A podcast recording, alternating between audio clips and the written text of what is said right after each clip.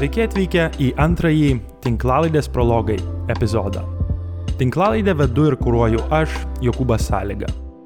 Prieš pradėdamas šiandienos pasakojimą norėčiau pasidžiaugti gana dideliu susidomėjimu debutiniu prologų epizodu ir padėkoti visiems, kurie pasidalino to epizodo įrašų su bendramintimis ir bendraminčiais socialinėje erdvėje, pradėjo tinklalaidę prenumeruoti ir rašė komentarus. Visa tai yra paskatos šio projekto plėtrai. Jei turinys jums atrodo įdomus ir vertas dėmesio, tuomet būtinai apie jį praneškite ir kolegoms bei draugams, kurie galbūt iki šiol negirdėjo tiek pirmojo, tiek ir šio epizodo. Prologų tinklalaidę galite sekti jos Facebook ir Instagram paskiruose, na o mane surasite ir Twitter platformoje. Šio mėnesio epizodas bus ganėtinai ilgas ir galbūt rekomenduotinas klausyti ne per vieną kartą. Tai žinoma priklauso nuo jūsų pačių. Visgi tą ilgą epizodo trukmę paaiškina tiek ir tema, apie kurią norėčiau pakalbėti, tiek ir tos temos aktualumas. Kaip ir galėjote suprasti iš epizodo pavadinimo, kalbėsiu apie neoliberalizmo savoką arba konceptą. Bandant tą savoką patalpinti į platesnį kontekstą, galima pasakyti kelis dalykus. Viena vertus, panaršius lietuvišką YouTube e, erdvę ar ieškant publikuotų apibraišų, galima susidaryti įspūdį, jog išsamesnės kritiškos diskusijos apie arba įžangos į neoliberalizmo savoką išlieka retenybė. Nors čia reikėtų paminėti labai neblogą glaustą gyvenimo per brangus kolektyvo iniciatyvą, platesnė auditorija supažindinti su pastaruoju konceptu. Apart to, tikrai yra daug kairiosios minties autorių rašančių šią tematiką, paliečiant vieną ar kitą neoliberalizmo manifestaciją praktikoje. Iš kito politinio spektro pusės yra ir Aušros Maldeikienės paskaitos neoliberalizmo tema įrašas, kurį visai pravartu pažiūrėti, kad ir pilnai nesutinkant su interpretacijų kampais. O jei domintų pasakojimai apie konkrečiai Baltijos šalių klausimus, vėlgi būtų galima paskatinti klausytojus skaityti Zenono Norkaus darbus. Kita vertus, mums kaip kairiesiems yra nepagristai ir pernelyg dažnai prikišinėjama, kad ši savoka yra ne tik sunkiai apibūdinama, reiškia kartu viską ir nieką, o bendriau neturi praktiškai jokios prasmės. Bet tas dešiniųjų diskursas yra didžia dalimi laužtis iš piršto, net nededant pastangų gilintis į išsamesnius bandymus neoliberalizmo konceptą apibriežti ir naudoti praktikoje. Paskutinis atspirties taškas, kurį galime paminėti įžangoje, yra per pastaruosius keletą metų išpopuliarėję teiginiai, kad su radikaliosios dešinės pergalėmis tarptautiniu mastu neoliberalizmas nebeegzistuoja kaip fenomenas. Kairiesiems todėl vertėtų atnaujinti savo žodynus ir ieškoti kitų apibrėžimų. Tokių deklaracijų yra begalė, bet viena iš paskutinių visai neseniai buvo pakartota ir britų kino filmo kurėjo Adam Curtis interviu apie jo naujausią dokumentikos seriją. Jei jos dar nematėte, žinoma, rekomenduočiau visiems ją pažiūrėti. Aš pats nebūčiau linkęs kalbėti apie neoliberalizmo pabaigą. Konstatavimas, kad šis kapitalistinių santykių reguliavimo režimas šiandien yra atsidūręs sisteminėje idėjų ir programų krizėje, be abejo yra teisingas. Tačiau tai nereiškia, kad yra kažkokia alternatyva gebanti jį pakeisti. Šis mano teiginys, aišku, yra tiesiogiai susijęs su tuo, kaip man atrodo vertėtų neoliberalizmą apibriežti, studijuoti ir jam priešintis. Egzistuoja tikrai nemažai problematiškų neoliberalizmo interpretacijų. Iš to tikriausiai ir gimsta bandymai daryti nuorodas į šią savoką, kalbant praktiškai apie viską. Mano akimis būtų klaidinga teikti, kad neoliberalizmas išskirtinai reiškia ideologiją ir nieko daugiau. Lygiai taip pat, ir čia nebus didelių surprizų, aš nesu įtikintas argumentų, kad neoliberalizmas reiškia vyriausybių absoliutinį nesikišimą į ekonomiką ar sistemą garantuojančią asmeninės laisvės. Kiek labiau kontroversiškai pritarčiau ir teiginiui, kad neoliberalizmas nereiškia valdančiosios klasės kažkokio grandiozinio plano ar, sakykime, konkrečių krizių manipulacijos siekiant atstatyti kažkada anksčiau prarastas galios pozicijas.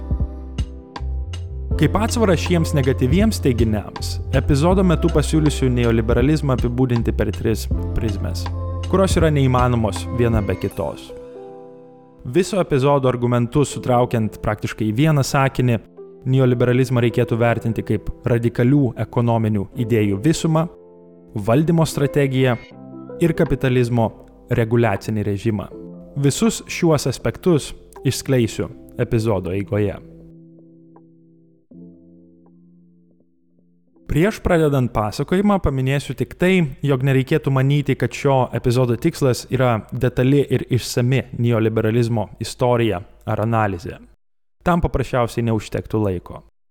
Geresnė alternatyva būtų šį epizodą matyti kaip įžanga į bandymus išsameu neoliberalizmą studijuoti iš kairės perspektyvos ir apie jį kalbėti posovietinėje erdvėje. Na, o kas liečia epizodo išdėstymą, jį šiandien padalinsiu į penkias dalis. Atsispyrę nuo istorinio periodo vadinamų auksinių kapitalizmo amžiumi, pereisime prie diskusijų apie neoliberalizmo gimimą ir ankstyvąją evoliuciją. Tai sudarys pagrindą aptarti ir šio reguliacinio režimo įgyvendinimą praktikoje, Latino Amerikoje, kapitalizmo centruose, kitaip tariant JAV bei Junktinėje karalystėje ir Rytų Europoje.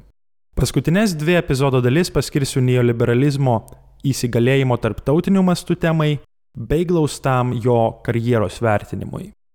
Belieka tikėtis, kad tinklaladės klausimas ir konkrečiai šio epizodo klausimas jums neprailgs. Šią apibraižą pradėkime nusikeldami į taip vadinamą auksinį kapitalizmo amžių. Tas laikotarpis, paženklintas sparčiais augimo tempais vakarų šalise, datuojamas nuo antrojo pasaulinio karo pabaigos iki maždaug aštuntojo praėjusio amžiaus dešimtmečio vidurio. Viena vertus, jį galime vadinti ir neoliberalizmo priešistorė, bet skirtingose publikacijose atrastume epitetus tokius kaip keinzianistinis ar pokario konsensusas. Visgi, be netikslingiausia būtų kalbėti tikriausiai apie įtvirtinto arba kontroliuojamo liberalizmo, kitaip tariant, embedded liberalism erą. Nuoroda į įtvirtinimą ir kontrolę politinės ekonomijos literatūroje yra daroma siekiant pabrėžti pokario sistemos skirtumus nuo ankstesniojo iki didžiosios depresijos vyravusio senojo liberalizmo modelio. Tas modelis bent jau teoriškai buvo grindžiamas pilnu valstybės atskirimu nuo ekonominių sričių. Nemažai komentatorių visgi sutinka, kad bandymai išlaisvinti rinkas ilgainiui privedė prie didžiausios kapitalizmo krizės istorijoje ketvirtame praėjusio amžiaus dešimtmetyje. Bet kuriuo atveju pagrindinis to įtvirtinto liberalizmo eros dėmuo buvo bandymai sutaikyti liberalėje demokratiją kaip politinę valdymo formą su vyriausybių pastangomis reguliuoti rinkas. Didelė dalimi tai buvo reakcija į didžiąją depresiją. Pasibaigus antrajam pasauliniai karui, ekonominės idėjos pasisakančios už vyriausybių rolę, reguliuojant ekonomiką, siekiant užtikrinti visišką užimtumą, generuoti socialinės apsaugos tinklus darbo klasiai, išlaikyti augimo tempus ir užtikrinti greitą ekonomikos atsigavimo politiką recesijų ar depresijų atvejais, tapo norma. Kartais tai buvo sugretinama su kapitalo bei darbo jėgos kompromisu. Aptariant taip vadinamą įtvirtinto liberalizmo erą, pravartu dedikuoti šiek tiek laiko jos krikštatėviui John Maynard Keynes. Didžiosios depresijos įkarštyje, tai yra 1933 metais, Keynesas publikavo knygą pavadinimu Būdai pasiekti gerovę – The Means to Prosperity.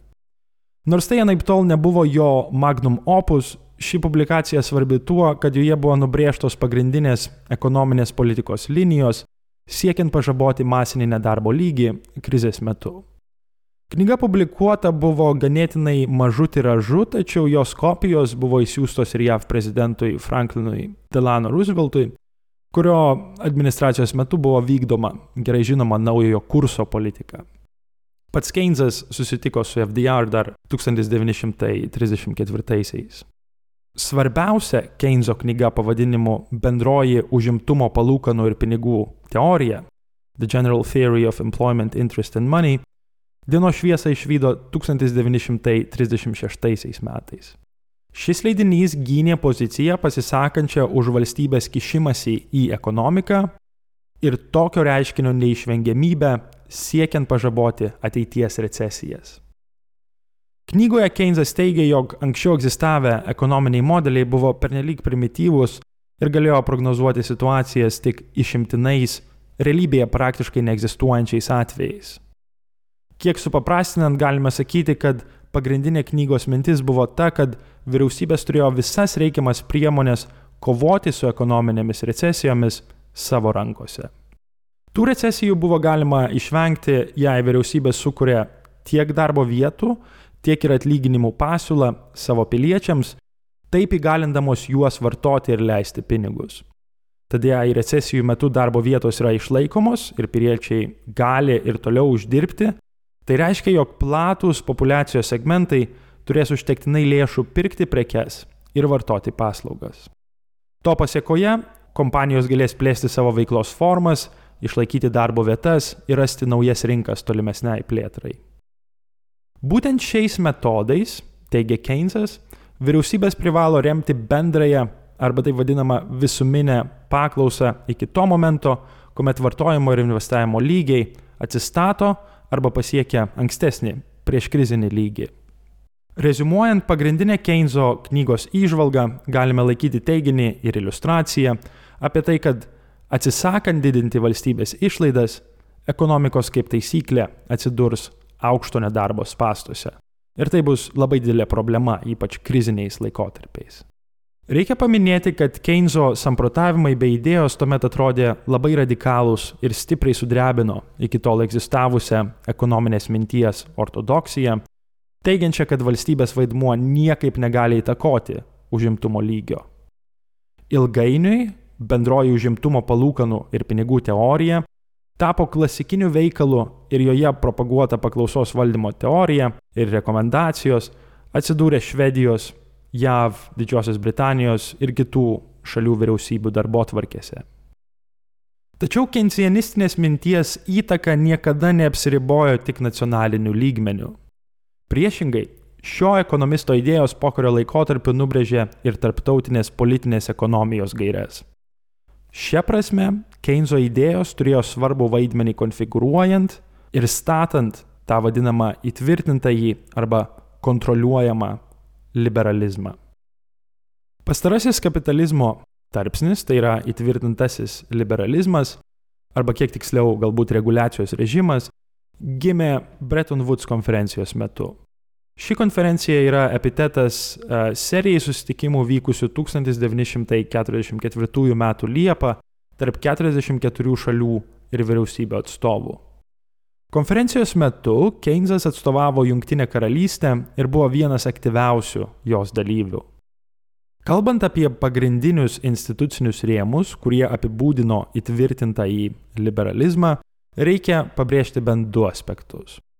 Visų pirma, nacionalinės vyriausybės buvo įgalintos finansuoti gana dosnes socialinės gerovės valstybių programas ir tai jos darė reguliuodamos rinkas su tikslu užtikrinti pilną užimtumą. Šia prasme, kelias pasauliniams ekonominiams šokams buvo užkirstas pasitelkiant stiprios valstybės vaidmens doktriną. Antrasis aspektas sukosi apie tai, kad pasaulinės prekybos sistemos atstatymas po tarpukario krizės ir antrojo pasaulinio karo turėtų užtikrinti spartų ekonominį augimą. Naujoji prekybos sistema buvo įdėkta ir valdoma per bendrąjį susitarimą dėl muitų tarifų ir prekybos, kitaip vadinama GATT, ir jis buvo pasirašytas 1947 metais. Per sekančius du dešimtmečius po šio tarptautinės prekybos susitarimo vėliava buvo organizuojamos dėrybos paskatinusios prekybos tarifų eliminaciją tarp vakarų šalių. Ilgesnėme laikotarpyje šis dalinis prekybos liberalizavimas padėjo praplėsti rinkas ir kelti produktivumą. Bet išsik reikia pabrėžti ir tai, kad įtvirtinto liberalizmo laikotarpiu vyriausybėms buvo leidžiama taikyti kapitalo kontrolės instrumentus. Tai, ką šiandien įsivaizduoti būtų labai sudėtinga. Šis instrumentas, aišku, leido išvengti drastiškų kapitalo nutekėjimų, tarkime, į besivystančias šalis. Dar vienu Bretton Woods konferencijos nuopelnu laikomas dviejų tarptautinių organizacijų sukūrimas. Ir čia mes žinoma kalbame apie Tarptautinį valiutos fondą ir Tarptautinį rekonstrukcijos ir plėtros banką, kuris geriau žinomas kaip Pasaulio bankas. Iškart po įsteigimo ir iki 1971 metų TVF tikslas buvo moderuoti ir prižiūrėti tarptautinę fiksuotą valiutų kursų politiką, taip padedant vyriausybėms užtikrinti ekonominį augimą ir visuomeninį gerbuvį. Kaip žinoma, 44 valstybės narės dalyvavusios Bretton Woods sistemoje turėjo išlaikyti savo nacionalinių valiutų paritetą kartu su JAV doleriu. Pats JAV doleris buvo laikomas oficialia rezervinė atsarga arba rezervinė valiuta, konvertuojama į aukso uncijas. Iki 71 metų viena uncija buvo keičiama fiksuotų kursų į 35 JAV dolerius. TVF taip pat teikia kapitalą ir lengvai prieinamą kapitalą šalims valdant jų mokėjimo balansus. Na, o rekonstrukcijos ir plėtros banko tikslas buvo kaip galima labiau skatinti pokarinį atsigavimą, skolinant lėšas didelių infrastruktūrinių projektų įgyvendinimui. Kaip minėjau anksčiau, pažvelgę į Keynes'o sekėjų ir nuo dešiniųjų minties linijų bent kažkiek atsiribojančių ekonomikos istorikų darbus, galime greitai susidaryti įspūdį, jog ši įtvirtinto liberalizmo sistema sutapo su auksiniu kapitalizmo amžiumi.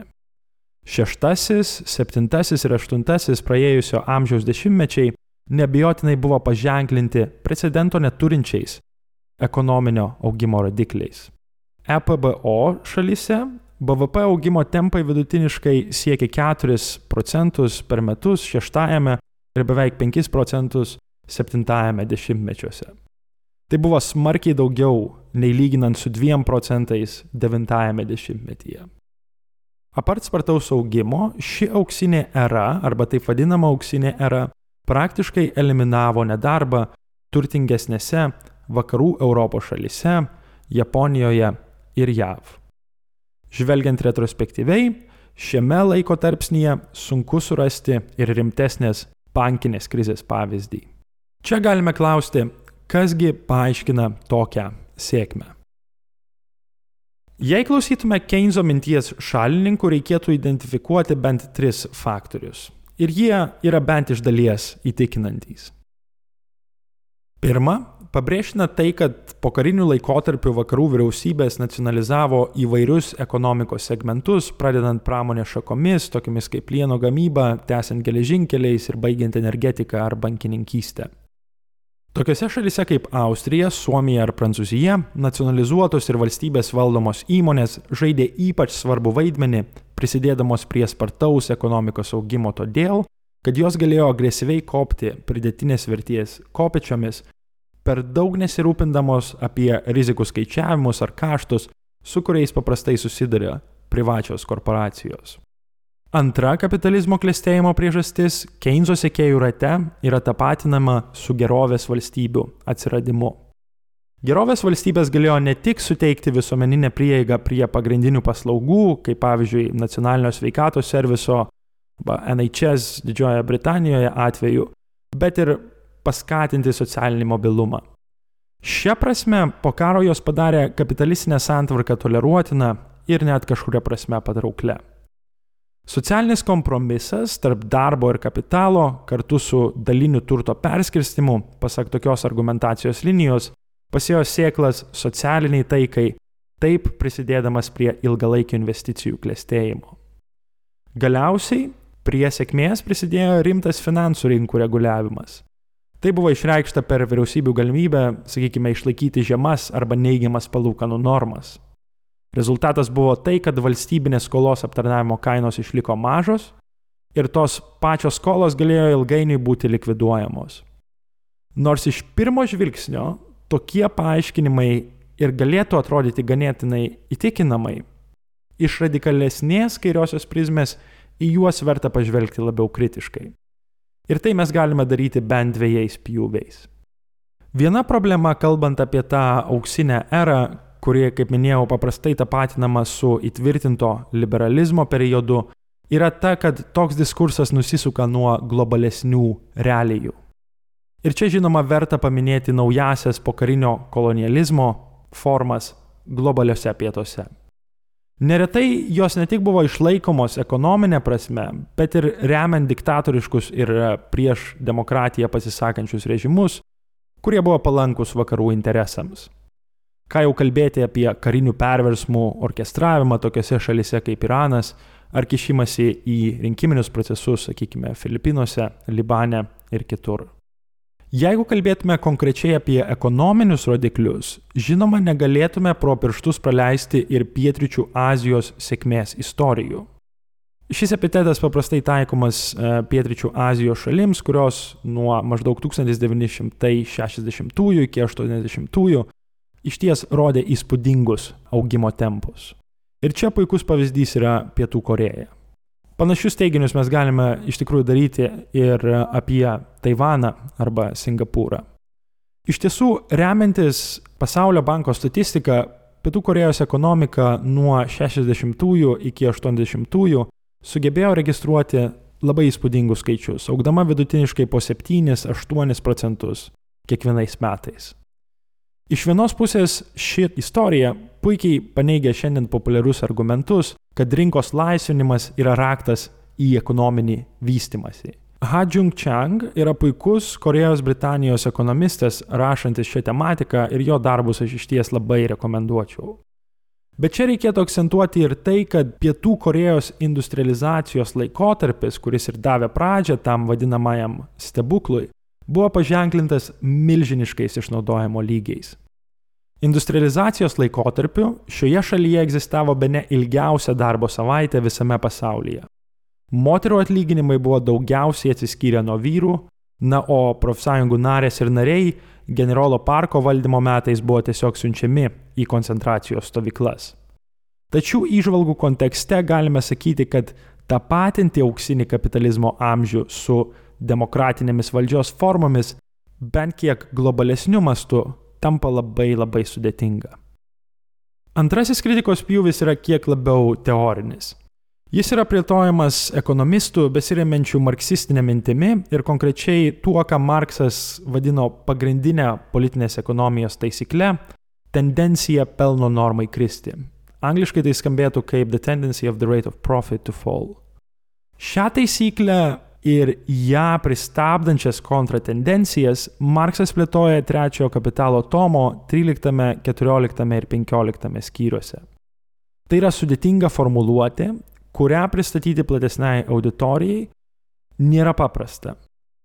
Visgi galime pasakyti, jog diskusijos apie pelno normos tendenciją kristi buvo gajos tarp tų autorių, kurie ir pradėjo modernėją ekonomiką kaip socialinių mokslų discipliną. Klasikiniai politekonomai kaip Adam Smith, David Ricardo ar John Stuart Mill tikėjo, kad kapitalizmo sistema gali turėti vieną pražutingą barjerą. Tas barjeras nusakė, kad pelno norma arba the rate of profit buvo pagrindinis šio gamybos būdo variklis, verčiantis kapitalistus tarpusavėje konkuruoti, išrasti naujas gamybos formas ir technikas. Bet problema buvo tame, kad pati kapitalizmo sistema jos raidos metu galėjo neišvengiamai mažinti tą pelno normą. Tad vis didesnė konkurencija reiškia mažėjančias kainas, vis didesnį darbo jėgos pakeitimą mašinomis ir taip toliau. Buvo daroma hipotezė, kad egzistavo toks kapitalizmo raidos taškas, kai pelno norma tampa tokia maža, kad ji nebekuria jokios papildomos motivacijos naujoms investicijoms ir gražos normos tampa tiesiog visiškai minimalios. Viena ar kita prasme tai reiškia, kad sistema galėjo tiesiog vieną dieną nebeišlipti iš krizės, sustoti ir baigtis. Tad periodinės kapitalizmo krizės klasikinių politekonomų gretose dažnai buvo tapatinamos su tais tarpsniais, kai pelno norma ima kristi. Marksas žinoma, buvo giliai inspiruotas šios tendencijos, ją matydamas kaip pozityvų reiškinį. Gal kam ir sunku būtų patikėti, bet egzistuoja nemaža dalis nūdienos marksistinių ekonomistų, kurie atlieka nuodugnius pelno normos skaičiavimus iki pačių dienų. Tiems, kuriems įdomu, galite paskaityti pavyzdžiui Michael Roberts blogą. Nuorodą į jį rasite tinklalaidės Facebook puslapyje ir YouTube epizodo aprašyme. Bet šiame pasakojime mums svarbiausia yra pabrėžti, kad pelno norma ir jos istorinės variacijos galbūt yra geras, net jei ir šiek tiek heretiškas įrankis, abejoti tuo, ar auksiniai kapitalizmo metai iš tikrųjų buvo nulemti Keynes'o teorinių įžvalgų ir jų aplikacijų. Jei pavartytume grafikus, kurie dokumentuoja tą pelno normos evoliuciją praėjusiame amžiuje, pamatytume, jog skiriamasis pokario dešimtmečių bruožas buvo tai, kad kapitalizmo centruose pelno norma šoko į viršų.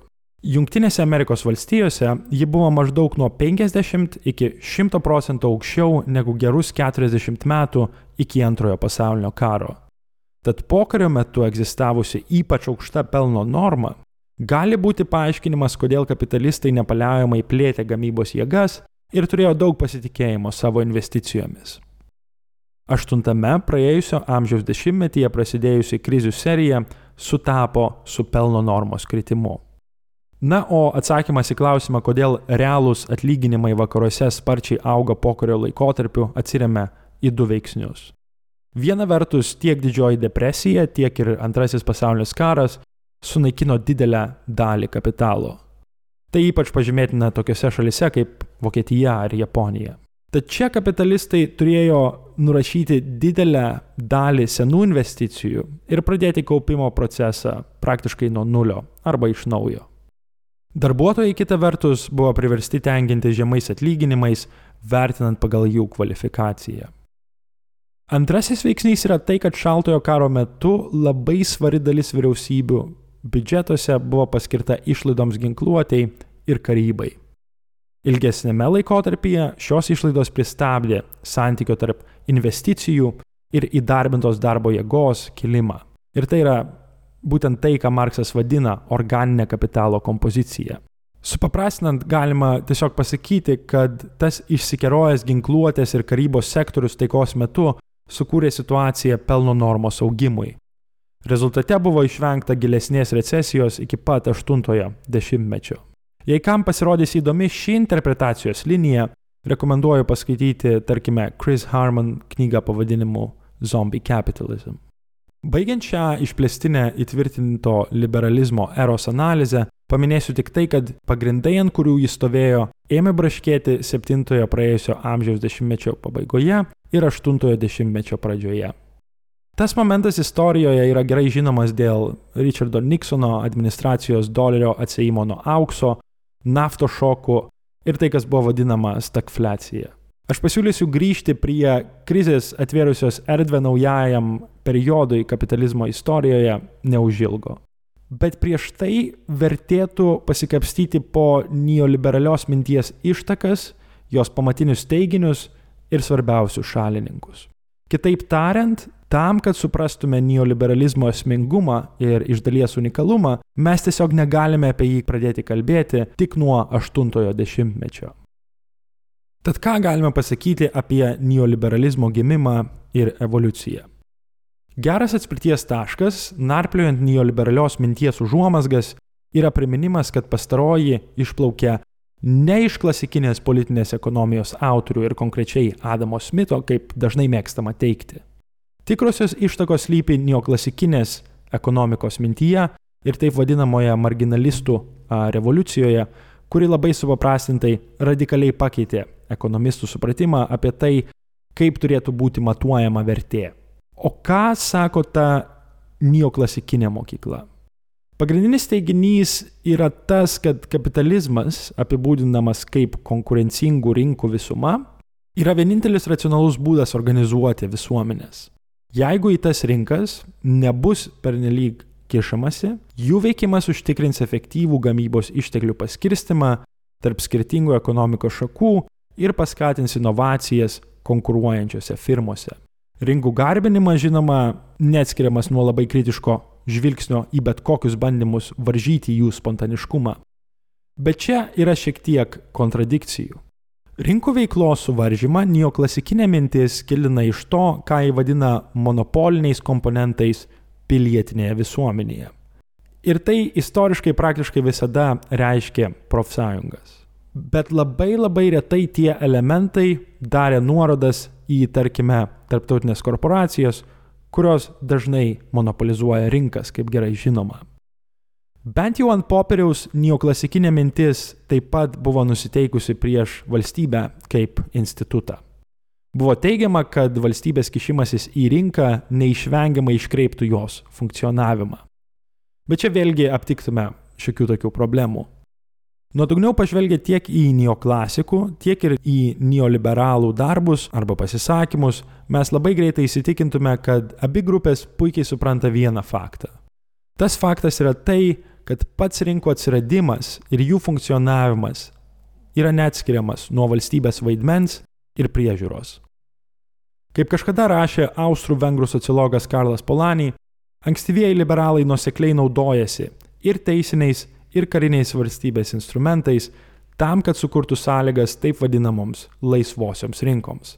Pats Polanis turėjo minti, kad tos laisvosios rinkos apskritai niekada nėra laisvos, bet visada įgyvendinamos valstybės pastangomis arba tiesiog iš dalies net ir planuojamos. Tad jau nuo pat pradžių reikėtų išsklaidyti mitą, kad neoklasikinė ekonomikos mokykla, iš kurios ir išplaukė neoliberalizmas, kada nors realiai sekė minimalų valstybės vaidmenį praktikoje.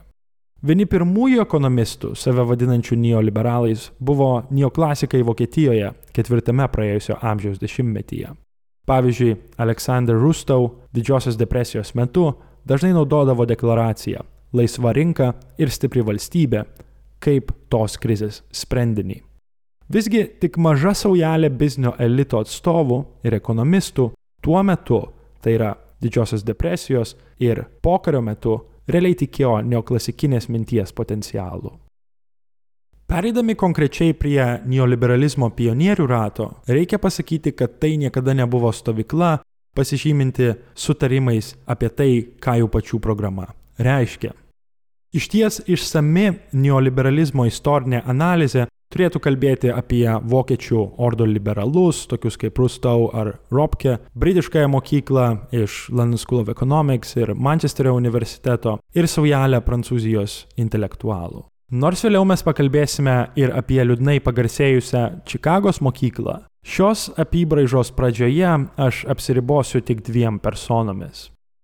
Galicijoje gimęs Ludvig uh, von Mises mums čia svarbus tuo, kad identifikavo taip vadinamą socialistinės kalkulacijos problemą ir išpopuliarino debatus tarp laisvosios rinkos ir planinės ekonomikos šalininkų. Tie debatai būtent ir sukosi apie tą socialistinės kalkulacijos problemą. Mises davė pradžią diskusijoms apie tai, kaip atrodytų socializmo pagrindais paremta ekonominė sankloda. Jis kartu su Austrijos mokyklos sekėjais, tokiais kaip Friedrich von Hayek, buvo tokios sanklodos kritikas. Austrų argumentai sukosi apie tai, kad socialistinėje planuotoje ekonomikoje, kurioje neegzistuoja laisva verslininkystė, laisvos kapitalinių gerybių ir pinigų rinkos, pasidaro neįmanoma atlikti reikiamus ekonominius skaičiavimus apie gamybos procesų plėtrą, pradeda plisti nekoordinuotas elgesys ir ilgainiui tai reiškia sutrikdymą visuomenių raidai. Na, o Hayekas, atsispirdamas nuo šios kritikos, jau konkrečiai ėmė plėtoti neoliberalizmo pamatus.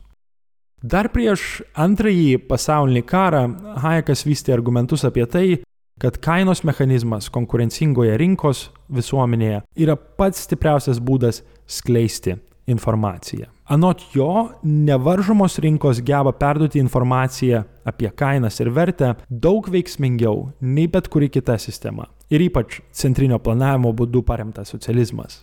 Tad jei kapitalistinė ekonominė sistema galės užtikrinti, kad valstybės geba įgyvendinti įstatymus, leidžiančius racionaliam individui laisvai dalinti savo informaciją rinkoje apie tai, ką tas individas perka ar parduoda, ar kokios yra jo preferencijos, asmeninė laisvė ir ekonominė gerovė bus garantuotos. Kiek vėliau Hayekas toliau išplėtojo šias minties linijas, teikdamas, kad tiksli informacija apie tai, kaip turėtų būti skirstomi resursai, yra perdodama konkrečiai per kainų sistemą, kurio žinoma nebuvo galima rasti planinėse socialistinėse ekonomikose. Bet šios Hayeko idėjos, kurios vėliau išpopuliarės, anuomet liko dėmesio paraštėse. Tai buvo ypač jaučiama ir paties Hayeko, Karo metu jam teko persikelti iš Londono į Cambridge'ą, kur ekonomikos mokymo aplinka buvo didžia dalimi neatsiejama nuo žavėjimosi kenzianistinė mintimi. Dar daugiau, ekonomikos kurso studentai savo skaitinių sąrašuose buvo reikalavami skaityti net ir Markso darbus. Kaip žinoma, žymiausia Hayeko knyga buvo pavadinta Kelias į vergovę. Ji pasirodė 1944 metais ir buvo greitai išparduota vakaruose, tai padarydama Hayeką globalia figūra. Knygoje buvo mėginama atsakyti į tuo metu labai populiarų kairiųjų argumentą, kad fašizmas buvo natūralus, iš krizės negebančio išlipti kapitalizmo produktas. Taip pat buvo tikinama, jog socialistinės ekonomikos niekada neprilygs rinkos sistemoms, ypač kas liečia konkurencingumo, inovacijos ir individuo laisvės klausimus. Tad jei vakarų valstybės bent dalinai ims planuoti ekonomiką, čia reikia pažymėti, kad tai Hayekui automatiškai reiškia socializmą, jos labai greitai pažabos didžiausius vakarietiškos civilizacijos laimėjimus, tokius kaip individualizmas.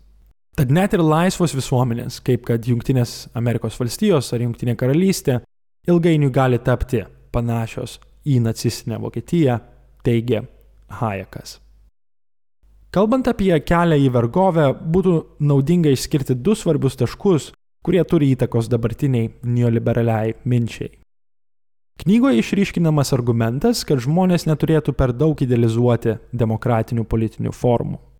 Pasak knygos autoriaus, demokratija yra ne kas kita kaip priemonė svarbesniam tikslui. Tikslui apsaugoti taiką visuomenėse ir individuo laisvę. Tad demokratija nėra kažkas švento ar neginčiamo, sako Hayekas. Tai reiškia, kad mums nevertėtų demokratijos idealizuoti, nes ji tik sudaro iliuziją, kad daugumos norai geba pažaboti savavališkos galios išraiškas. Antras ir susijęs argumentas yra tas, kad politinė laisvė yra neįmanoma be ekonominės laisvės. Būtent ekonominė laisvė, pasak Hayeko, turi visada imti viršų. Pasiremdamas teiginiu, kad centrinis planavimas visada gali privesti prie totalitarizmo, jis daro išvadą, kad visuomenės yra paliktos tik su vienu sprendiniu - bet kokią kainą, tad net ir demokratijos sąskaita, užtikrinti ekonominę laisvę. Rezumuodami galime sakyti, kad šios minties linijos sukūrė gana paprastą programą ankstyviesiems neoliberalizmo šalininkams. Visuomenėse egzistavo realiai keturi pavojai - totalitarizmas, kolektyvizmas, socializmas ir centrinis planavimas. Nuo jų apsaugoti galėjo tik laisva rinka. Jei, tarkime, demokratija ar socialinis teisingumas buvo reikalingi, tai kainų signalais turėjo indikuoti pati nevaržoma rinka. Bet paėmus bendrai, pastarosios dvi dedamosios, tai yra demokratija ir socialinis teisingumas, nebuvo reikalingos laisvų visuomenių egzistavimui. Glaustai pristatę Hayeko raštus, esame geroje pozicijoje klausti, kaip jo plėtota filosofija ir dar nesusisteminta reformų programa tapo plačiai išpažįstama ir įgyvendinta praktikoje. Paskatos tam buvo pradėtos kurti Montpellerin draugijos susitikimų metu nuo 1947 metų. Susitikimai vyksta ir iki šių dienų. Na, o toks depolitizuotas šios grupės pavadinimas kildinamas iš Šveicarijos kurorto, kuriame jie ir yra organizuojami. Montpellerin draugijos tikslas buvo sudaryti galimybę neoliberalios minties šalininkams diskutuoti ir ilgainiui laimėti idėjų kovą prieš tuomet vyrovusi kenzianizmą.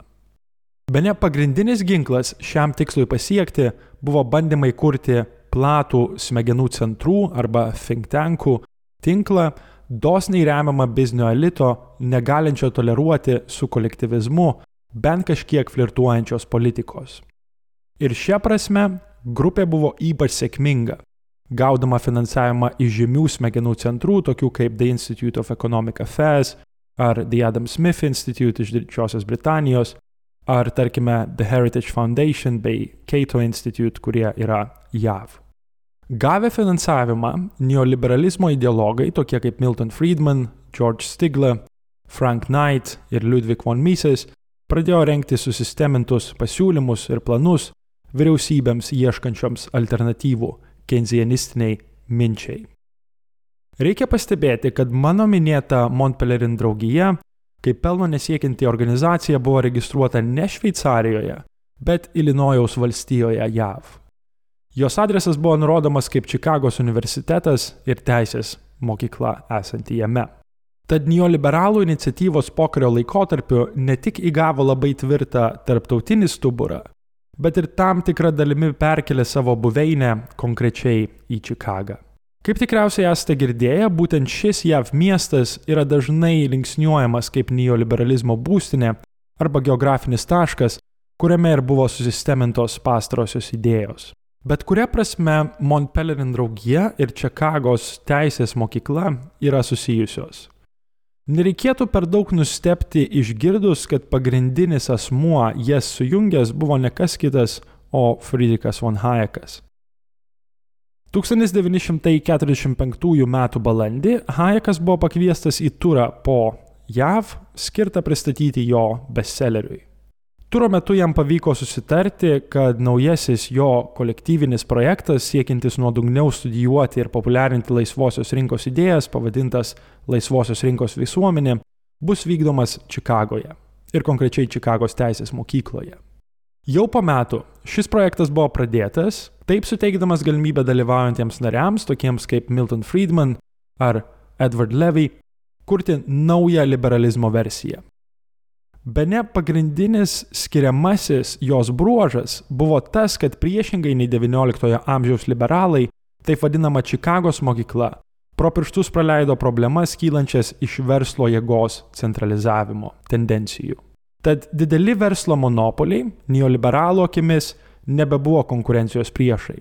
Anaip tol, jie reprezentavo natūralius rinkos veikimo procesus ir dėsnius. Paradoksalu, bet jei laisvosios rinkos visuomenės projekto tikslas buvo išpopuliarinti neoliberalizmą tarptautiniu mastu per nuodugnes mokslinės studijas, diskusijas ir straipsnius, tai geriausia pavyko padaryti populiariai parašytai ir eiliniam skaitytojui adresuotai knygai pavadinimu Kapitalizmas ir laisvė, pasirodžiusiai 1962-aisiais. Tos knygos autorius buvo Bruklinė gimęs ekonomistas Miltonas Friedmanas, ateityje laimėsintis Nobelio prizą. Palyginus su Hayeko keliu į vergovę, ši knyga artikuliavo daug primityvesnius argumentus. Pavyzdžiui, Friedmanas teigia, kad ekonominė laisvė yra viso ko galutinis tikslas niekada neapibrėždamas, ką laisvė galėtų reikšti. Toje knygoje buvo galima rasti ir priešiškų teiginių apie bet kokias politikos formas. Iškelus klausimus apie tai, kodėl knygoje visiškai nekalbama apie demokratiją, Friedmanas vėliau teigia, kad kaip ir Hayekas jis niekada netikėjo šio koncepto esmingumu. Visuomenės turėjo galvoti ne apie demokratinės valdymo formas, bet apie individo laisvę, kuri užtikrina, kad individai galės vienas su kitu kooperuoti ir bus laisvi nuo bet kokios prievartos ar smurto. Jei dar daugiau pavartytume kapitalizmą ir laisvę, ten rastume ir papildomų paradigminių ir radikalių teikinių. Tarkime, kad monopoliai visada susidaro tik dėl vyriausybių kalties, ar kad mokslo sistema turi būti pilnai privatizuota. Šios vulgarios argumentacijos plėtotos Friedmano knygoje netruko susilaukti populiarumo ne tik skaitytojų ratuose, bet ir politikų veiksmų planuose.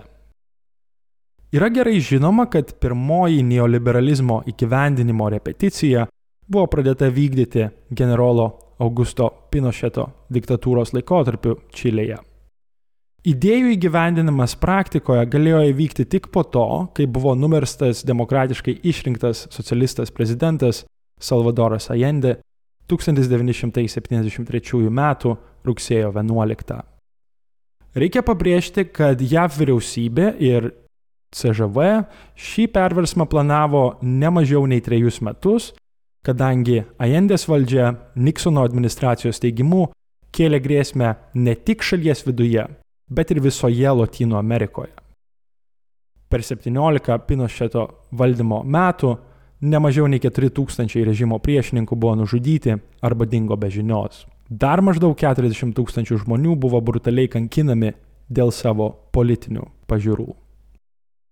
Bet čia visgi būtų klaidinga ir šiek tiek vulgaru teikti, kad perversmas buvo organizuotas siekiant išmėginti neoliberalią teoriją praktikoje. Labiau įtikinamų jo tikslu galime laikyti reikiamybę sužlugdyti Čilės organizuoto darbo judėjimo aktyvumą, jo užmojus ir aspiracijas.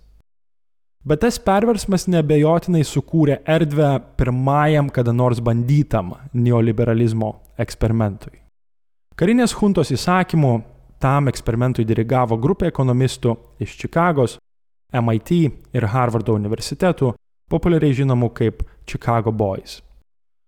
Tai buvo asmenų grupė iš Čilės katalikiškojo universiteto, kurie nuo 57 iki 70 Pagal studijų programą buvo išvykę stažuotis į Čikagos ir kitus JAV universitetus.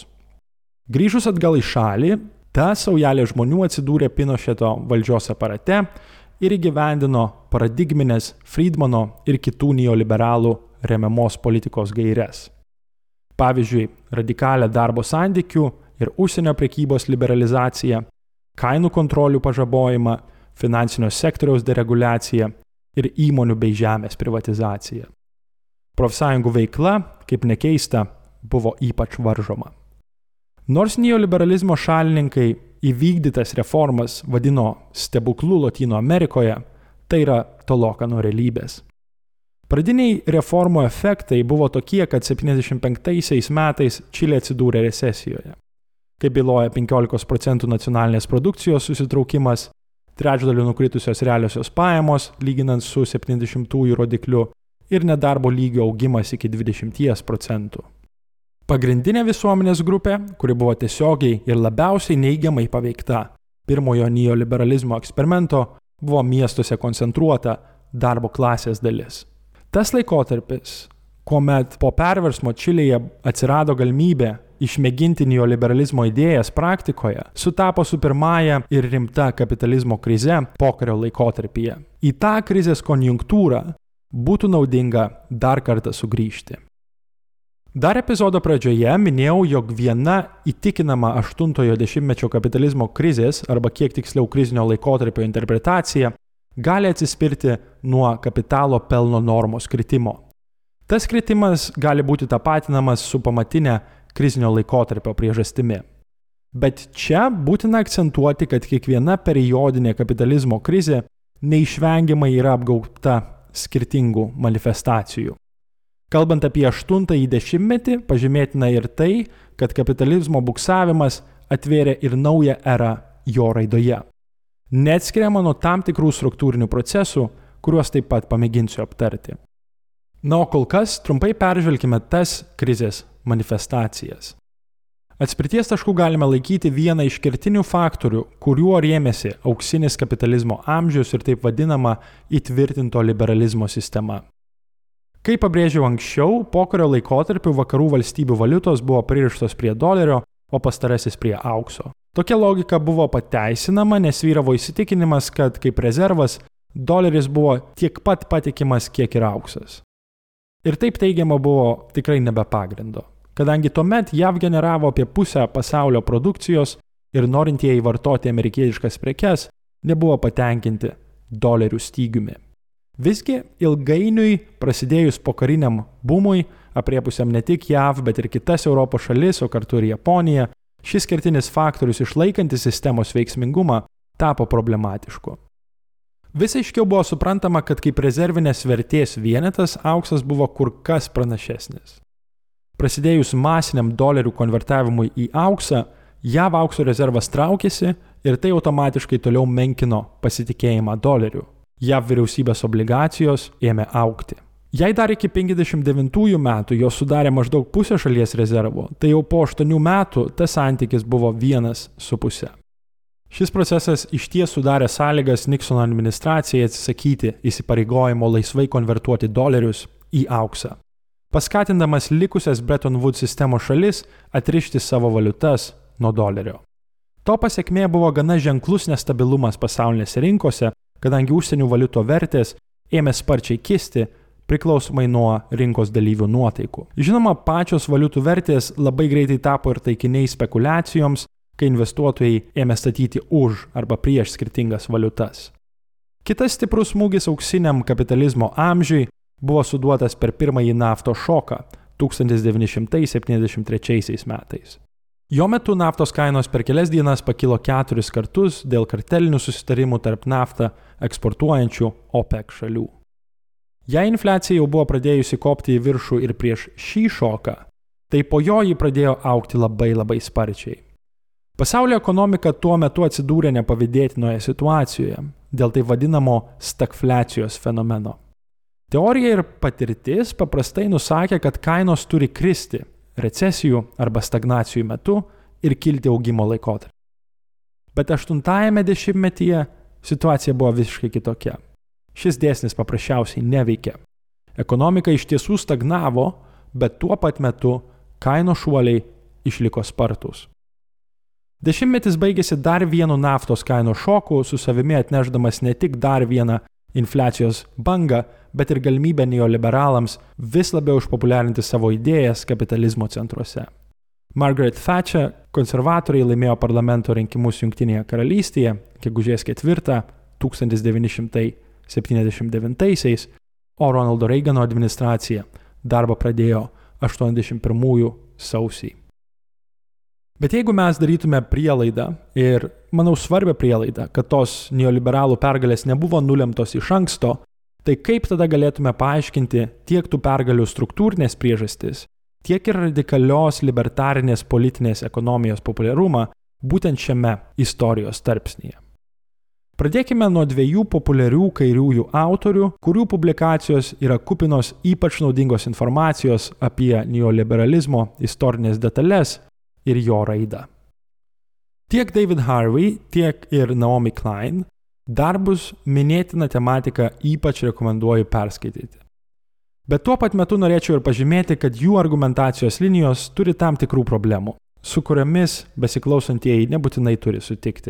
Aš pasiremsiu dviejais klasikiniais kairiųjų darbais, bandydamas nubrėžti savo paties interpretaciją. Pradėkime nuo David Harvey argumentų lengvai skaitomoje ir puikiai parašytoje knygoje Trumpa neoliberalizmo istorija. Mano galva, jie yra problematiški dėl dviejų priežasčių. Pirma, Harvey teigia, kad neoliberalizmas gali būti tapatinamas su ekonominio elito jėgos restauracija ar atstatymu vakarų šalise arba naujo elito sukūrimu tokiose šalise kaip Kinija ar Rusija. Vakarų Europos ir JAV klausimų yra sunku išvelgti, kodėl turime kalbėti apie vienokią ar kitokią restauraciją, nebent sakytume, kad nacionalizuotos ekonomikos šakos reprezentavo socializmą ar jo apraiškas. Sunku tikėti, kad valdančioji klasė, tai yra kapitalistai, vakaruose kad nors buvo užleidę ar praradę galios pozicijas, ypač tokiu laikotarpiu, kai kapitalizmas registravo aukščiausius kad nors pasiektus augimo rodiklius sistemos istorijoje. Iš ties mes drąsiai galime sakyti, kad darbo judėjimai vakaruose gavo tam tikras nuolaidas iš kapitalo. Sakykime, pilną užimtumą ar socialinės gerovės tinklus, įskaitant pensijas, nedarbingumo pašalpas, subsidijuotą gyvenamąją vietą ir sveikatos apsaugą. Bet prisiminkime, kad pokario laikotarpiu tokios nuolaidos buvo kapitalui naudingos. Ir ne tik tam, kad užtikrintų socialinę taiką ir stabilumą, bet ir tam, kad būtų galima kelti darbo našumą ir valstybių konkurencingumą tarptautinėje rinkoje. Kita problema, kuri mano akimis egzistuoja Harvey knygoje ir kitose jo raštuose, yra ta, kad laikydamas sovietinio tipo valstybės viena ar kita prasme socialistinėmis visuomenėmis, jis daro prielaidą, kad ekonominis elitas neoliberalizmo įsigalėjimo laikotarpiu čia turėjo būti sukurtas iš naujo ar atsirado lyg iš niekur nieko. Bet manau, čia klausytojams nereikia priminti nei apie tai, kad didelė dalis save komunistais laikiusių asmenų rytų Europoje apskritai nematė jokių problemų pilnai atsiduoti neoliberalizmo dogmoms po Berlyno sienos ir Sovietų sąjungos griūties.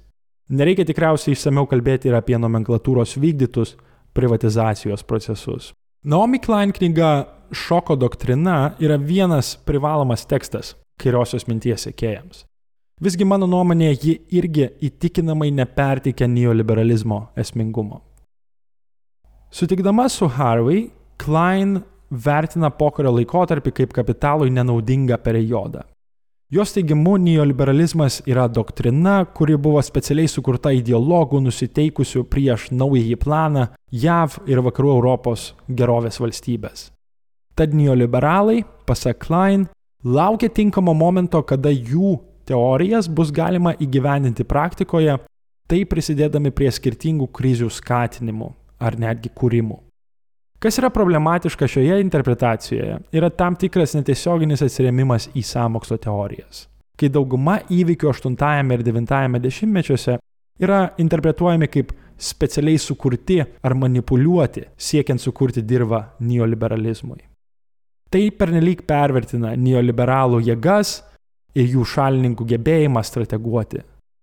Taip pat, jei pasikliautume Klein argumentacijos liniją, reikėtų klausti, kam taip ilgai buvo laukta, kodėl krizės negalėjo būti sukurtos daug anksčiau, tarkime, šeštame ar septintame dešimtmečiuose. Bandant paaiškinti neoliberalizmo įsigalėjimą, aš norėčiau pasiremti kiek mažiau žinomo kairiojo autoriaus darbais.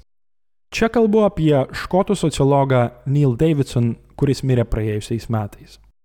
Pastarojo interpretacija atsiriama nuo trijų struktūrinių faktorių, kurie buvo išryškinti per pirmus du pokario dešimtmečius ir ilgainiui tiesiog išryškino tuomet vyravusio kapitalizmo reguliacijos režimo negebėjimą pažaboti vis sudėtingesnės tendencijas.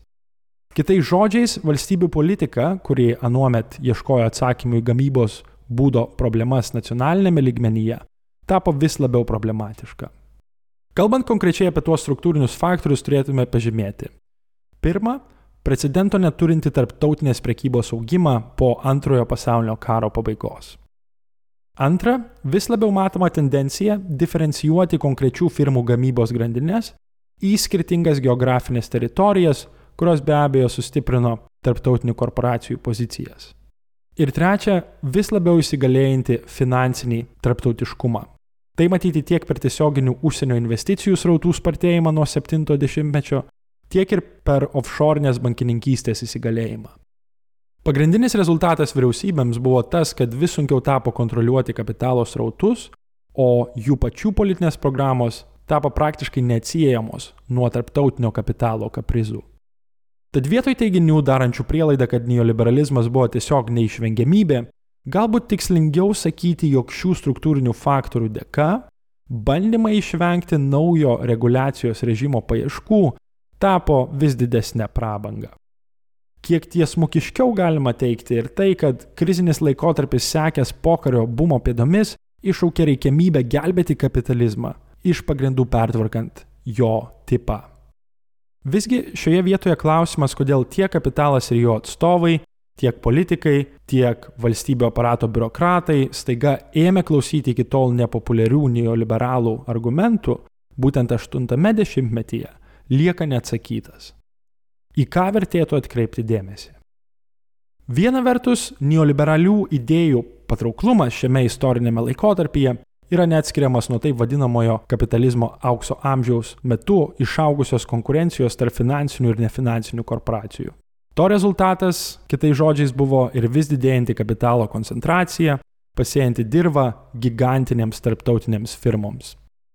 Konkurencija taip pat kūrė paskatas didžiosioms korporacijoms vis drąsiau kreiptis į vyriausybės reikalaujant mokestinių lengvatų, liberalizuotų darbo rinkų ar tiesiog patogesnių verslo aplinkų bendrai.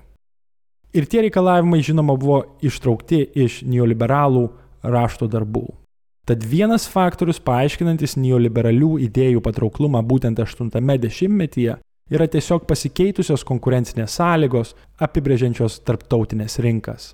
Arba, kaip sakytų marksistai, pasikeitę globalūs kapitalo kaupimo principai. Kita vertus, reikia paminėti ir tai, kad kapitalizmo krizė prasidėjusi 73-aisiais reikalavo naujos veikimo strategijos, siekiant išgelbėti pastarąjį gamybos būdą. Valdančiosios klasės, įskaitant ne tik kapitalą ir jo atstovus, bet ir biurokratus bei politikus, negalėjo ilgai taikstyti su aiškiai matomais keinsianistinės minties defektais. Tad jiems nebuvo didelė problema remtis naujomis teorijomis, kurios kažkada atrodė pavojingos ar per daug radikalios. Vėlgi tai nebuvo tiesiog idėjinis atsiverimas į kažkokias doktrinas, bet pragmatiškas išeičių iš krizės ieškojimas. Skirtingose šalise neoliberalios reformų programos labai retai kada buvo sekamos praeidžiui. Daug dažnesnis bruožas buvo improvizuoti, siekiant atkurti ir įtvirtinti klimatą tolimesniam kapitalo kaupimui.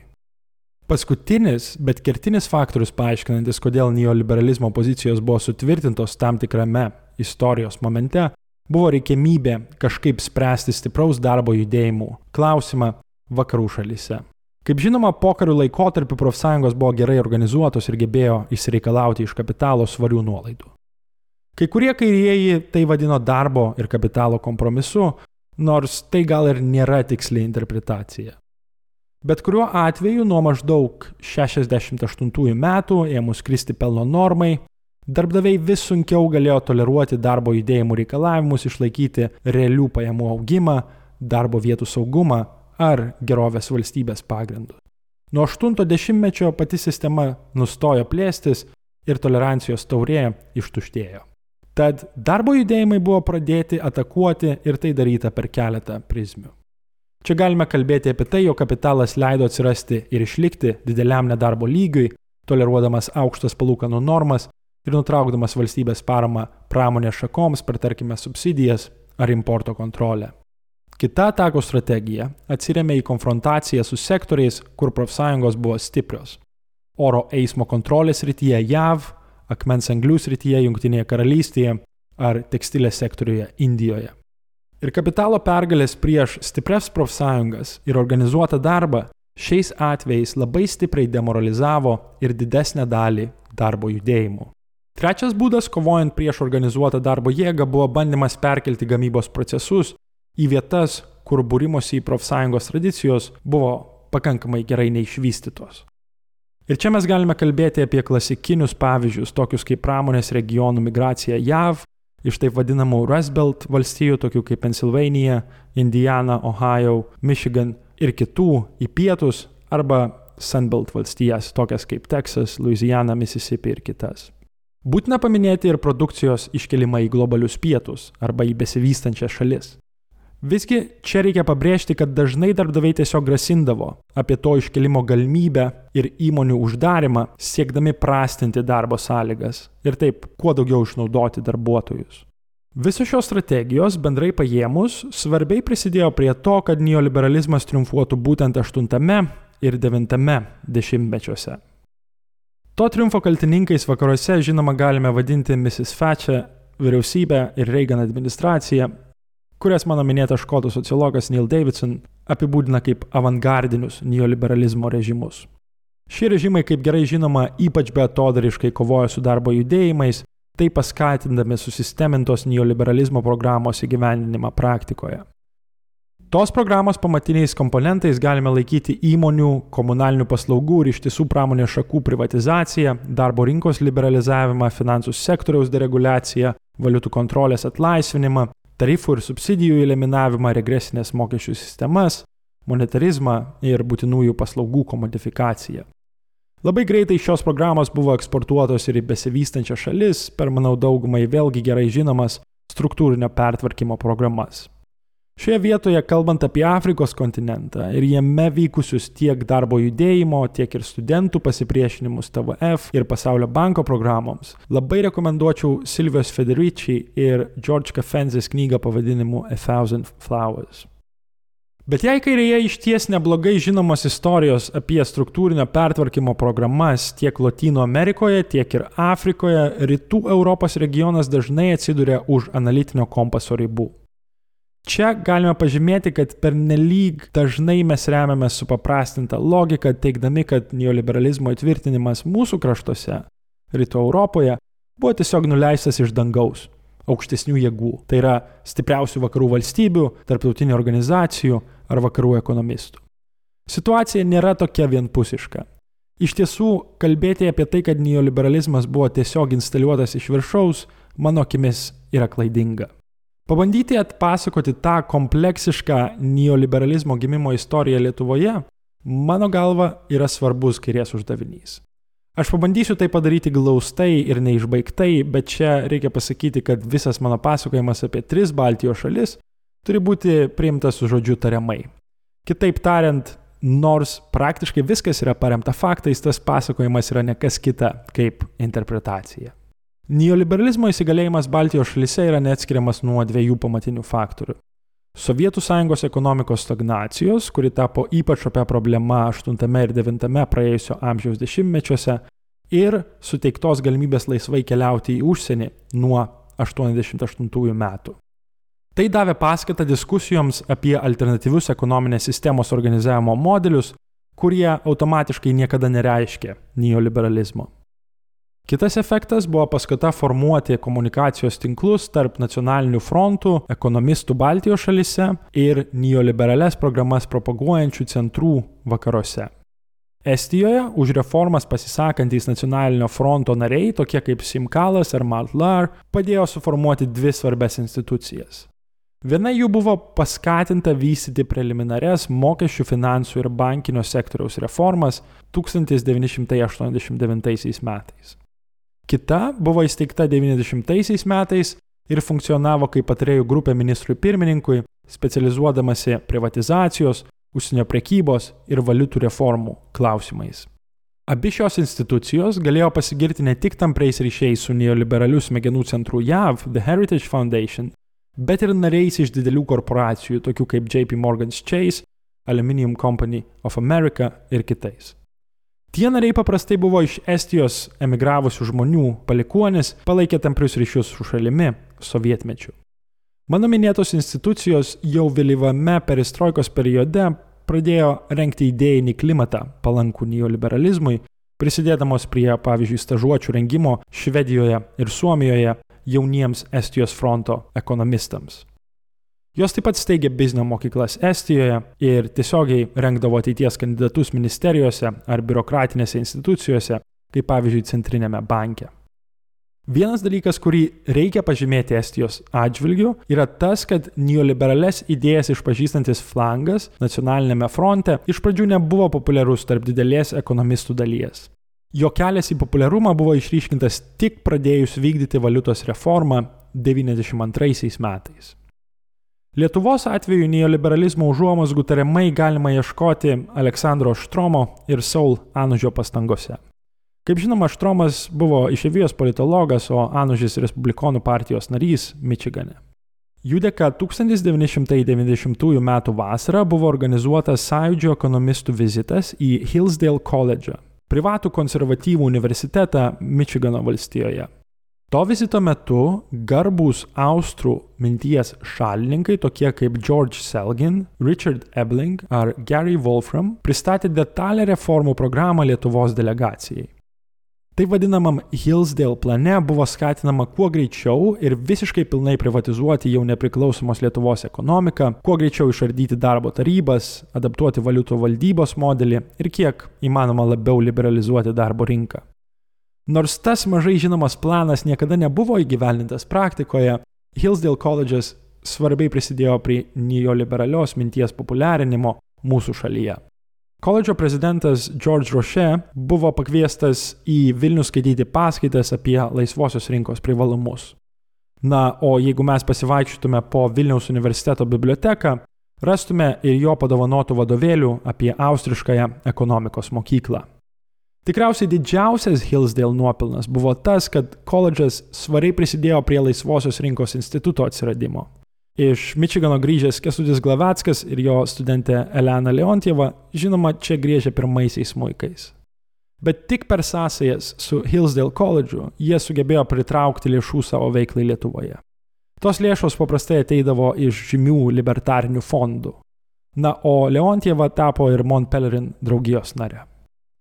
Latvijoje vyko labai panašus procesai. Kiek supaprastindami galime sakyti, kad atspirties tašku šioje šalyje buvo tai, kas vadinama Georgetown gauja. Šis žargonas buvo naudojamas pačių tos gaujos narių. Ir čia mes kalbame apie žymaus Amerikos Latvio ekonomikos profesoriaus George Vikšninio pastangas organizuoti stipendijų programą nacionalinio fronto nariams, besidomintiems ekonomiką ir jauniems politikams stažuotis Georgetowno universitete Vašingtone. Tos stažuotės buvo rengiamos su parama iš Pew labdaros fondo. Ilgainiui būtent tos programos absolventai ir parašė ir gyvendino reformų programą Latvijoje, kuri vadinosi Latvija 2000. Čia be paties Vikšinio galime paminėti ir tokias kontroversiškas asmenybės kaip Einara Repšė ir Ilmara Rimševičių, kurie buvo to Georgetown gengo nariai. Jie abu užėmė Latvijos centrinio banko valdytojo pozicijas ir plačiai figuravo korupcijos skandaluose. Kaip ir galite susidaryti įspūdį, šis bandymas atkasti neoliberalizmo šaknis ir užuomasgas Baltijos šalise jokių būdų nėra išbaigtas. Tad jei turite vienokių ar kitokių pastebėjimų ar nuorodų į naudingus šaltinius, aš būčiau labai dėkingas, jei susisiektumėte su manimi elektroniniu paštu, kurį rasite prie tinklaladės aprašymo YouTube platformoje arba jos Facebook puslapyje. Šioje vietoje aš norėčiau grįžti prie bendresnių neoliberalizmo analizės linijų. Vienas iš paskutinių argumentų, kuriuos norėčiau praplėsti šio epizodo metu, yra tai, kad jėgas galutinai sutvirtinusias neoliberalizmo viešpatavimą vertėtų laikyti ne anksčiau minėtus avangardinius režimus, tai yra Reaganą ir Mrs. Thatcher, bet gal kiek paradoksaliai trečiojo kelio socialdemokratija. Žinomiausi trečiojo kelio atstovai yra, žinoma, Clintono administracija ir Tony Blair New Labour projektas, kurių valdymo metais gimė taip vadinami neoliberalizmo konsolidacijos režimai. Pasiremdami vėlgi Neil Davidson išvalgomis, tai mes galime vadinti tiesiog socialiniu neoliberalizmu. Galima padaryti greitą pastebėjimą, jog apie trečiojo kelio idėjas ir jų indėlį į neoliberalizmo triumfą būtų galima nesunkiai kalbėti ir rytų Europoje. Reikia pripažinti, kad tikriausiai nebuvo geresnio būdo galutinai įtvirtinti neoliberales programas nei per trečiąjį kelią. Įgyvendindama tas programas, trečiojo kelio socialdemokratija dažnai remdavosi visuomenės gerovės ir solidarumo retorika, bet niekada nenukrypdavo nuo pamatinių neoliberalizmo taisyklių. Savo deklaracijose trečiojo kelio šalininkai visada kalbėjo apie reikiamybę sutaikyti tradicinę socialdemokratiją su neoliberalizmu. Bet tai buvo tik naudinga priedanga. Gali būti, kad tokia priedanga buvo sunkiai išvengiama, nes po 91 metų bet koks diskursas apie alternatyvą kapitalizmui tiesiog dingo iš akiračio. Lygiai taip pat praktiškai visi karėjai jau nebetikėjo, kad sovietinio tipo režimai gali būti traktuojami kaip modeliai socializmui praktikoje. Kulminacija šiam pesimizmui, kai pasaulio pabaiga įsivaizduoti tapo lengviau nei gamybos būdo pokytį, suteikė ir ideologinę nuostatą, jo gerovės valstybė ir su ją asocijuotos reformos atrodė sunkiai sutaikomos su kapitalistiniais socialiniais santykiais. Na, o jei pasvarstytume, kodėl tie trečiojo kelio konsolidacijos režimai buvo pozityviai vertinami ir plačiose visuomenės segmentuose, reikėtų pabrėžti jų gebėjimą apsirengti kultūrinės politikos drabužiais. Tad kalbėdamas apie tas kultūrinės problemas, 90-aisiais trečiasis kelias neoliberalizmą pavertė patraukliu ne tik konservatorių, bet ir liberalų bei dalies kairiųjų gretose. Problema buvo tik ta, kad kultūrinė politika, tų vadinamųjų socialinių neoliberalų rankose, buvo visiškai atkabinta nuo bet kokios kritikos kapitalizmui kaip gamybos būdui ar sisteminėms identiteto problemų išraiškoms. Iš vienos pusės Aišku, galima sakyti, kad tai yra drasus argumentas ir tada teikti tiesiog, kad kultūrinę kritiką yra dažnai labai lengva similiuoti į neoliberalų idėjų mišinį, kurios pabrėžia kritiką hierarchijai ar pasirinkimo laisvę. Bet būtent tai ir yra didelis laimėjimas neoliberalams ir kapitalui. Galimybė interpretuoti ir parduoti realias, bet nedidelės pergalės prieš rasizmą, seksizmą ir ksenofobiją kaip galutines ir nereikalaujančias tolimesnių pastangų kovojant su sisteminėmis tų problemų apraiškomis. Tos apraiškos, žinoma, atsiriame ir yra konfigūruojamos pačios socialinės santvarkos, kurioje mes gyvename šiandien. Ir po šitų įžvalgų aš manau mes galėtume pereiti prie glausto neoliberalizmo vertinimo. Kalbėdami apie šį kapitalizmo eros tarpsnį galime išskirti bent tris dalykus jo šalininkų nepagrystus vaikščiojimus apie atskirties mažinimą, teorijos ir praktikos išsiskirimą vertinant valstybės vaidmenį, na ir žinoma, didelę kainą visuomenėms ir ypač silpniausiose pozicijose esančioms grupėms. Kas liečia populiarius neoliberalų argumentus apie tai, kad jų įgyvenintos programos prisidėjo prie pajamų neligybės mažinimo ir spartaus augimo, ypač globaliuose pietuose, vertėtina paminėti kelias trumpas įžvalgas. Argumentai apie spartų ekonominį augimą yra bene išimtinai paremti Kinijos atveju. Bet čia reikia pripažinti, kaip tai daro daugybė valstybinės minties politekonomų, kad Kinijos įspūdingas augimo tempas yra paaiškinamas būtent komunistų partijos nusisukimu nuo neoliberalių programų. Aišku, tai jokių būdų nereiškia, kad jie vykdė ar tęsė kažkokias socialistinės reformas. Dar daugiau pažymėkime ir tai, kad atskirtis neoliberalizmo laikotarpį išaugo ne tik tarptautiniu mastu, bet ir šalių viduje. Tarkime, JAV nuo 73 iki 2000 vidutinės realiosios pajamos žmonių sudarančių apatinius 90 procentų krito 7 procentais. Tuo metu turtingiausiojo 1 procento segmento vidutinės realiosios pajamos kilo 148 procentais.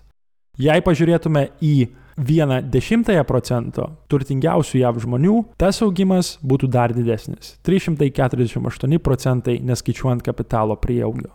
Tokios istorijos, žinoma, gali būti perpasakojamos apie didžiąją dalį tiek vakarų, tiek ir rytų Europos valstybių. Antra neoliberalizmo vertinimo prizmė yra realybės netitinkanti prieš valstybės intervencijas pasisakanti retorika. Iš ties į ekonominius procesus besikišanti valstybė ir laisva rinka nėra priešpriešos ar antipodai. Nacionalizuojami bankai, pramonės šakos ir pagalbos paketai kapitalui praėjusios krizės laikotarpiu rodo ne valstybės sugrįžimą, bet tai, kad ta valstybė niekada niekur nebuvo išnykusi. Jei matuotume valstybių svarbą pagal nacionalinių išlaidų dydžius, jie išliko ženkliai nesumažėję lyginant su ankstesniu periodu kapitalizmo istorijoje. Tad esminis pokytis yra ne išlaidų dydžiuose ar valstybės rolėje ekonomikoje, bet tos rolės pakitime. Šiandien jis nebėra orientuotas į bandymą išsaugoti pilną darbo jėgos užimtumą ar gerovės garantavimą plačiai visuomenės daliai. Žvelgiant iš šio taško, neoliberalių režimų strategijos atsiriame į bandymus perkelti atsakomybę anksčiau koncentruotą vyriausybių rankose ant namų ūkių ar individų pečių. Ir gana dažnai tai reiškia, kad tos atsakomybės disproporciškai krenta ant moterų pečių. Čia reikėtų kalbėti apie moterų neproporcingą krūvį atliekant rūpybos ir namų ūkio darbus, įskaitant vaikų auginimą ir priežiūrą, taip pat rūpinimąsi vyresnio amžiaus ar sergančiai žmonėmis, o taip pat ir žmonėmis su negale. Socialinės reprodukcijos konceptui bus galima paskirti, aš manau, ir atskirą prologų epizodą. Galiausiai, vertinant neoliberalizmo pasiekimus, aišku, reikia paminėti ir indėlį į atomizuotos bei individualistinės visuomenės sukūrimą.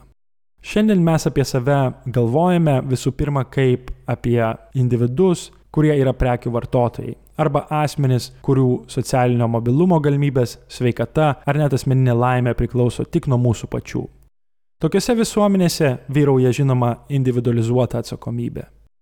Bet tų pačių visuomenių autoriai, tai yra neoliberalūs režimai, paradoksalu, bet negali toleruoti pamatinių faktorių, ant kurių jos stovi. Konkurencija, individualizmas ir laisva rinka niekada negali būti palikti veikti patys savo ar automatiškai. Tuo įsitikinti mes galime be ne kiekviename epizode, kai užuot sekusios rinkos nustatytų taisyklių masė žmonių išeina į gatves protestuoti ar dar blogiau pradeda riaušės. Šioje vietoje neoliberalizmas kaip taisyklė pabaigia savo prieš valstybę pasisakančią retoriką ir natūraliai ima flirtuoti su pačiais reakcingiausiais dešiniųjų elementais. Viena strategija, kurios nenustoja naudoti, tas kraštutinės dešinės ir neoliberalizmo junginys, susiveda į atpirkimo ožių paieškas. Nusisukant nuo struktūrinių problemų, kurias kasdien kuria kapitalistiniai socialiniai santykiai, komentariatas, politikai ir verslo atstovai krizių kaltininkais laiko būtent tuos, kuriuos sistema ir išstumia į paraštės - darbą praradusias, imigrantės, pabėgėlius ar vienišas mamas. Ir bėda yra aišku ta, kad sistema tai daro kiekvieną dieną. Baigdamas šį ilgą pasakojimą pasiūlyčiau sugrįžti prie atspirties taško, nuo kurio ir pradėjau. Kaip kairieji, manau, puikiai galime atsakyti į kitame politinėme spektre egzistuojančią kritiką, kad nuorodos į neoliberalizmą yra per daug abstrakčios, netikslios ar politizuotos. Mano akimis, neoliberalizmas turi bent tris prasmes - kaip ideologija, kaip valdančiosios klasės strategija ir kaip periodas kapitalizmo istorijoje arba jo reguliacinis režimas. Aš pabaigsiu su trumpa tų trijų prizmių santrauka. Neoliberalizmas iš ties yra ideologija gimusi centrinėje Europoje ir konkrečiai Austrijoje ketvirtame praėjusio amžiaus dešimtmetyje. Jos tikslas buvo sudaryti opozicinę programą tam, kas tuo metu buvo vadinama socializmu. Ta nuoroda reiškia centrinį planavimą ir nacionalizaciją ir šia prasme buvo gana banalus socializmo apibrėžimas. Ilgainiui radikalios idėjos apie laisvą rinką persikėlė į Čikagos universitetą ir ten buvo susistemintos. Kaip bandžiau pademonstruoti šiame epizode, neoliberalizmą galima suprasti ir kaip valdančiosios klasės strategija, kuri jau buvo išplėtota 80-metyje. Tokį argumentą mes galime plėtoti, jei valdančiąją klasę tapatiname ne tik su kapitalo savininkais, bet ir su valstybinio aparato biurokratais ir politikais. Ir tai nėra labai nišinė interpretacija. Ja savo darbuose vartoja tokie marksistinės minties autoriai kaip Hall Draper ir Perry Anderson. Pastarojo ilga esė apie ES šiuo metu yra verčiama Šiaurės Atenų puslapiuose ir aš ją jums labai rekomenduočiau skaityti. Kaip manau, puikiai žinosite ir atsiminsite, po eksperimento Čilėje ta neoliberalioji strategija persikėlė į politinės ekonomijos centrus, konkrečiai į JAV ir į Junktinę karalystę. Programiniai neoliberalizmo nuostatai tapo tinkamu atsaku į 73-aisiais prasidėjusią krizę. Taip atsitiko dėl to, kad jie davė atsakymą į klausimus apie tai, kaip pertvarkyti galios balansą tarp darbuotojų ir kapitalo, kaip išardyti pagrindus, ant kurių stovėjo vakarų profsąjungos, pavyzdžiui, keliant nedarbo lygį, ar kaip perkelti gamybos procesus iš geografinių regionų su stipriais darbo judėjimais. Bet čia neužmirškime ir to, jog nebuvo kažkokio grandiozinio plano. Neoliberalizmo karjera skirtingose pasaulio vietose didžia dalimi buvo paremta improvizacija. Paskutinė prizmė, per kurią galėtume kalbėti apie neoliberalizmą, yra teiginys nusakantis konkretų periodą kapitalizmo istorijoje. Nuo 73 iki nūdienos. Galima išskirti įvairius režimų tipus - avangardinį ar socialųjį neoliberalizmą.